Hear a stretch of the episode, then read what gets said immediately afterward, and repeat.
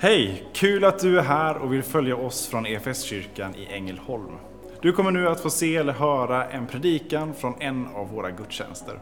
Har du några frågor eller vill veta mer om oss som kyrka så kan du alltid gå in på www.efskyrkan.info.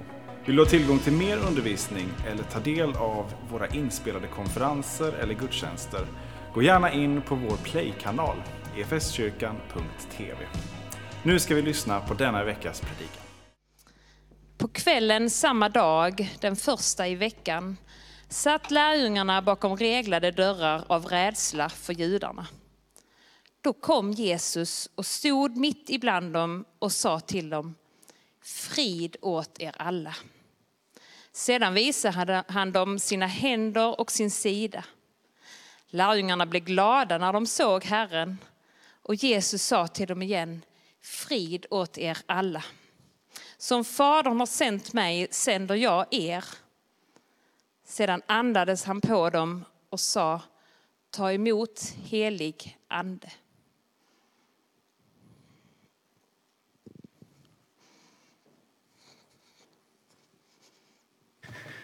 Tack så mycket Sara. Eh, vi fick eh, här ta del av en kort passage i Johannes evangeliet där eh, Johannes han beskriver ett möte mellan lärjungarna och Jesus själv. Ett eh, omvälvande möte och det har ju varit väldigt omvälvande dagar och timmar för lärjungarna eh, under påsken som de precis har firat. De har fått vara där på skärtorsdagskvällen tillsammans med Jesus och firat måltiden tillsammans i övre salen. Och så har de också fått ta sig genom Jerusalem ut i ett semane trädgård. Och så där på natten mot fredagen så, så kommer den stora vaktstyrkan och, och fängslar Jesus. Och lärjungarna de blir rädda, förtvivlade och, och flyr på något sätt fältet några stycken, eller i alla fall Petrus, han, han följer den här vaktstyrkan med Jesus lite på avstånd hela vägen upp till Kajafas palats. Och, och där på innergården så, så står Petrus och någonstans blickar in för att se vad händer med min mästare och min herre. Och så sker det där som, eh, som inte skulle ske i Petrus liv när några vid, vid elden där på, på Borggårdens eh, plattform så, som känner igen honom och säger, men är du inte, du hänger ju också ihop med Jesus. Och Petrus förnekar Jesus, inte bara en gång och inte bara två gånger utan tre gånger så bedyrar han att jag har inte med den mannen att göra, jag vet inte vem han är. Jesus hade ju strax innan faktiskt förutspått att Petrus skulle komma till att förneka honom. Och Petrus han sa nej, nej, nej, nej. Även om alla de andra kommer att överge dig så kommer jag aldrig att göra det. Jag kommer att stå kvar. Men så står han där.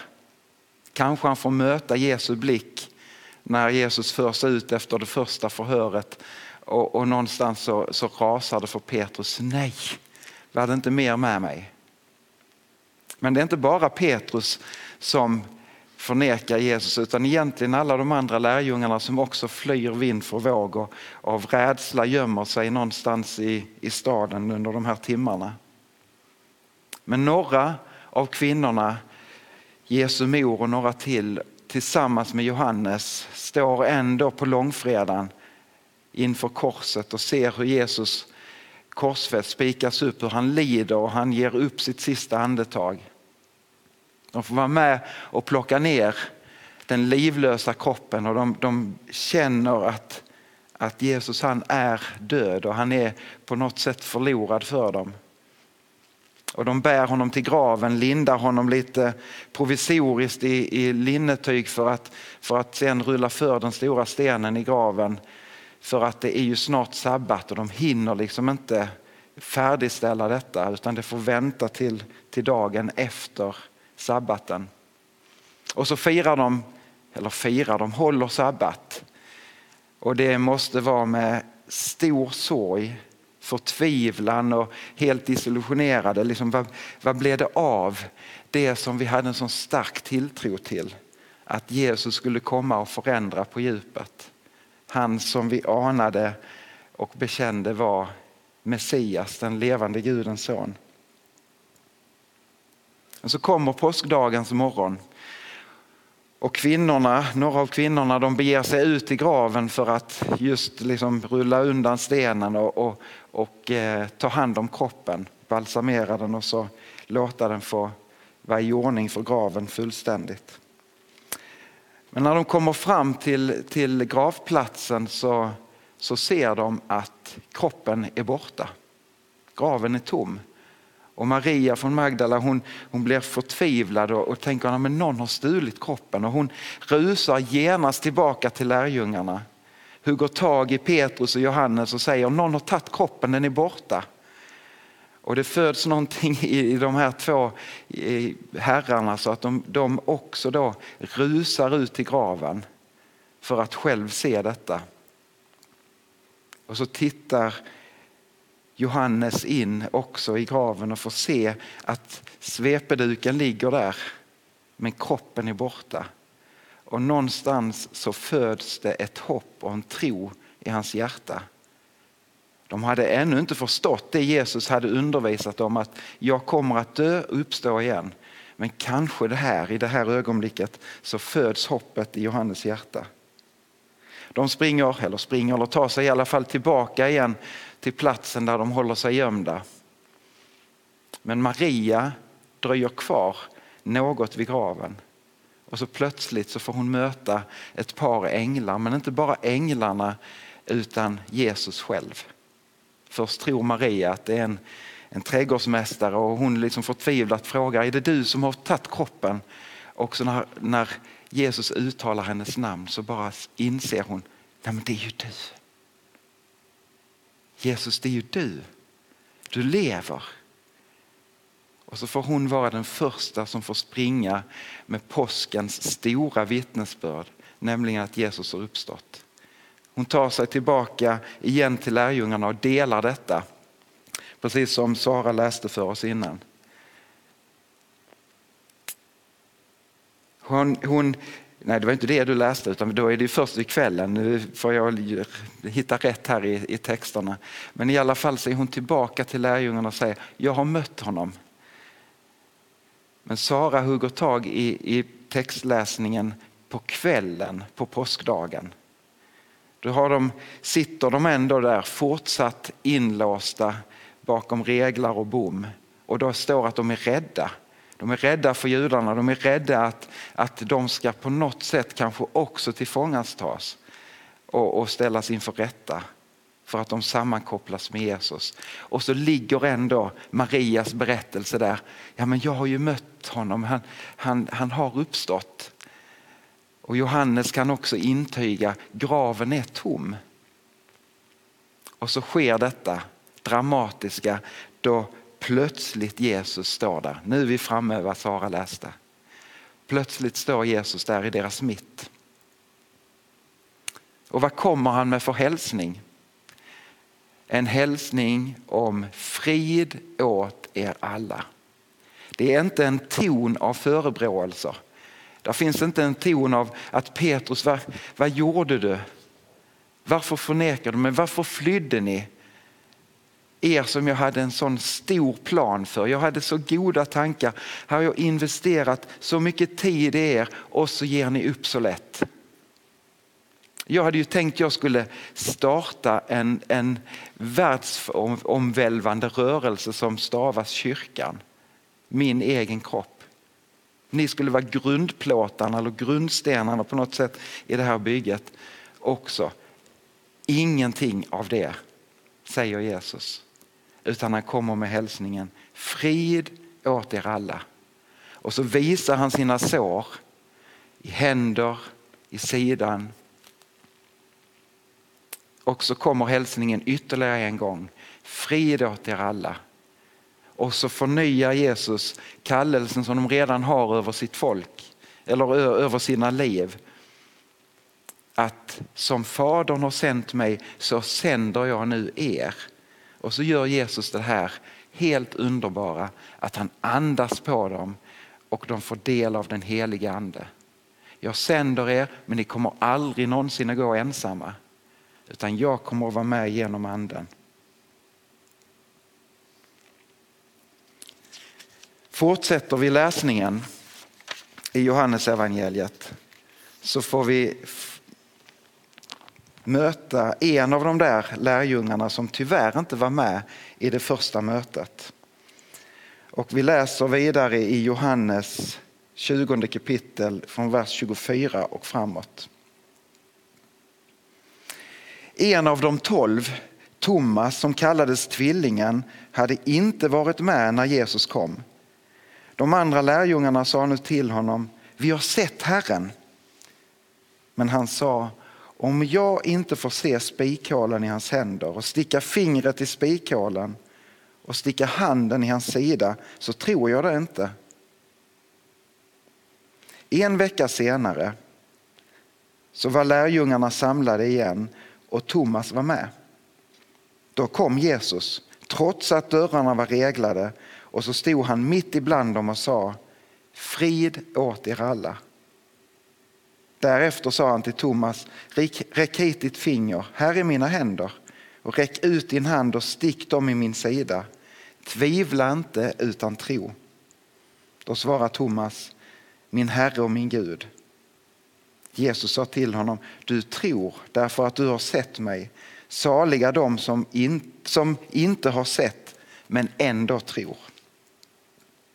Också många tecken som inte har tagits med i denna bok gjorde Jesus i sina lärjungars åsyn. Men dessa har upptecknats för att ni ska tro att Jesus är Messias, Guds son och för att ni genom att tro ska ha liv i hans namn. Thomas dyker upp i Bibelns berättelse. Han som kallas tvillingen, men som vi många gånger har kallat, kallat Thomas tvivlaren. Och eh, någonstans så ger ju Thomas uttryck för det här att han har så svårt att ta till sig detta mäktiga budskap att Jesus han har uppstått. Det är inte konstigt. Vi kan liksom inte liksom anklaga Thomas. Varför, varför hugger du inte bara tag i tron? Rent mänskligt så, så är det för oerhört det han hör. Och så säger han att ni fick se såren men, men jag måste också se dem, annars kan jag inte tro det. Och tänk ändå Thomas som har varit med och sett Jesus göra så enormt många stora under. Han har ändå fått vara med och se när Lazarus strax innan faktiskt har uppväckt från de döda. Ändå så är det så svårt att tro. Han har inte bara fått se hur människor har fått sina liv förvandlade utan han har själv fått erfara det i sitt inre. Hur Jesus bemötande har gett honom liv på nytt och nytt hopp och så vidare. Så han måste ha ett väldigt stort förtroendekapital för Jesus. Ändå har han så svårt att tro. Men så går det en vecka och vi hoppar ju från påskens, liksom, påskdagen fram till denna veckan i vår bibelläsning precis som vi får göra i våra liv här nu. Thomas han har ändå stannat kvar under den här veckan. Så kvinnornas och lärjungarnas, de andra lärjungarnas vittnesbörd har inte varit ogjort. Det har ändå fått Thomas att stanna kvar. Och man kan fundera på vad som händer i hans liv under den här veckan. Är det så att där ändå någonstans börjar växa fram ett hopp? Kanske det är sant. Kanske, kanske. Han ser också förändringen hos de andra, hur, hur deras eh, liksom, sinnesstämning av sorg och förtvivlan och rädsla kanske börjar bubbla av hopp och, och framtidstro. Och så ökar det hoppet och tro i hans eget liv. Och så händer det igen så där plötsligt. Jesus står där mitt ibland dem. Men de är fortfarande inlåsta och håller sig gömda. Det står att dörrarna är reglade. Men det är så underbart med Jesus efter uppståndelsen så är han inte begränsad av tid och rum. Han kan röra sig rakt igenom de stängda dörrarna. Han kan röra sig, och gjorde ju det också, rakt igenom gravens stängda murar och väggar. Han rör sig fritt. Och det gör han fortfarande, även rakt in i situationer och, och livserfarenheter som vi kanske upplever som låsta och stängda. Där kan Jesus bara dyka upp på insidan och så kommer han igen med den här fantastiska hälsningen. Frid åt er alla. Vid det här tillfället i Jerusalem så möter han dem alla men han möter väldigt, väldigt specifikt Thomas. Och så, så möter han Thomas rakt i hans tvivel, rakt i hans frågor och Jesus sträcker fram sina händer. Du frågar efter mina sår. Sträck fram dina händer, känn. Här, stoppa, stoppa handen i såret på sidan. Inte heller där kommer han med förebråelserna utan han möter precis där Thomas är. Också för Thomas uttrycka sin bekännelse. Thomas som kallades tvillingen, som vi många gånger kallar tvivlaren, skulle vi också lika gärna kunna kalla bekännaren. Thomas bekännaren. Han bara brister ut. Det är kanske inte ens så att han, han behöver ta på såren utan direkt uttrycker han bara min Herre och min Gud. Min Herre och min Gud. Och Jesus han bekräftar ju och möter upp i den här bekännelsen. Här kan vi liksom se hur Jesus faktiskt bekräftar det som har varit hans hälsning genom hela hans liv. Att jag är den levande Gudens son. Jag är Gud mitt ibland er som har tagit mänsklig gestalt. Jesus han svarar ju inte på, på Thomas bekännelse. Nej, nej, nej Thomas, min herre kanske, men du kan inte kalla mig herre och min Gud. Jag är någonting annat. Nej, han bekräftar det genom att bara svara Thomas, du tror för att du har sett mig. Men saliga de som inte har sett och ändå tror. Och så får Thomas också vara med om det som alla lärjungarna får vara med om, att de sänds igen. Ut i Jerusalem, vidare ut i hela landet men också vidare ut i hela världen. Att bära det här vittnesbördet som är kyrkans första och egentliga bekännelse. Jesus har uppstått ifrån de döda. Och i hans död och hans uppståndelse så ligger hela öppningen till ett liv i helighet, i rättfärdighet, i förlåtelse, i ett rätt förhållande till Gud själv. Och så börjar den där rörelsen som har gått genom hela historien av påskens vittnen. När Jesus strax innan han fängslas den där skärtorsdagsnatten så håller han ett avskedstal när han går tillsammans med lärjungarna genom Jerusalem. Och det här avskedstalet avslutas med en bön. Vi läs, kan ta del av den i Johannes 17. Och där ber Jesus för dem som han slår följe med den där natten med de här orden. Liksom du har sänt mig till världen har jag sänt dem till världen. Och för deras skull helgar jag mig till ett offer för att också de ska helgas genom sanningen. Men inte bara för dem ber jag utan också för alla som genom deras tro, deras ord tror på mig. Jag ber att de alla ska bli ett och att liksom du fader är i mig och jag i dig också de ska vara i oss. Då ska världen tro på att du har sänt mig. Och helt plötsligt så omsluts också ditt och mitt liv i Jesu förbön den där natten. Också för alla dem som genom deras ord tror på mig. Vi som inte har sett det de har sett men ändå får tro på Herren. Och så är det som att det har gått som en budkavel genom hela historien. Ett vittnesbörd som, som väcker till tro om att Jesus han har uppstått från de döda. Och även idag fortsatt så ligger den där hälsningen ifrån Jesus själv.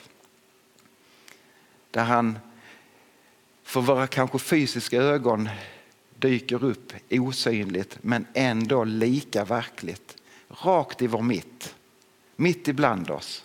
Och så hälsar han frid åt er alla. Och så kommer samma hälsning. Som Fadern har sänt mig så sänder jag er. Du är sänd av himlens Gud. Och så vet vi också detta att vi redan, eller nu vi lever i pingstens konsekvenser. Jesus har utgjutit sin ande över de troende på ett alldeles speciellt sätt. Han andas fortfarande över sitt folk, över sin kyrka och över ditt liv och säger ta del av helig ande. Du går aldrig någonsin ensam. Och tillsammans får vi fortsätta att vara påskens vittne för vår tid men också för tiden som kommer framåt. För generationer som kommer framåt. Och envist och enträget så får vi bekänna det som är kyrkans gemensamma bekännelse. Så jag skulle vilja uppmuntra dig att ställa dig upp var du än befinner dig. Och så får vi stämma in i och förenas i kyrkans bekännelse som är ett tecken på vår tro men också ett tecken på vår samhörighet med Kristi världsvida kyrka. Så låt oss be och bekänna. Vi tror på Gud Fader allsmäktig, himmelens och jordens skapare. Vi tror också på Jesus Kristus, hans enfödde son, vår Herre, vilken är avlad av den helige Ande, född av jungfru Maria, pinad under Pontius Pilatus, korsfäst, död och begraven, nederstigen till dödsriket, på tredje dagen uppstånden igen ifrån de döda, uppstigen till himmelen, sittande på allsmäktig Gud faders högra sida, därifrån igenkommande till att döma levande och döda. Vi tror också på den helige Ande, en helig allmännelig kyrka, det heliga samfund, syndernas förlåtelse, det dödas uppståndelse och ett evigt liv. Amen. Som kyrka är det en glädje att få spela en liten roll av allt Gud gör i och genom ditt liv. Vi vill gärna fortsätta följa dig på den resan. Och vill du ta reda på vad ditt nästa steg kan vara på din resa med Gud så gå in på efskyrkan.info nästa steg. Vår längtan är att få se människor och samhällen förvandlade av Jesus. Genom en kyrka som återspeglar Guds hjärta, bär varandra och betjänar människor varhelst vi befinner oss varje dag.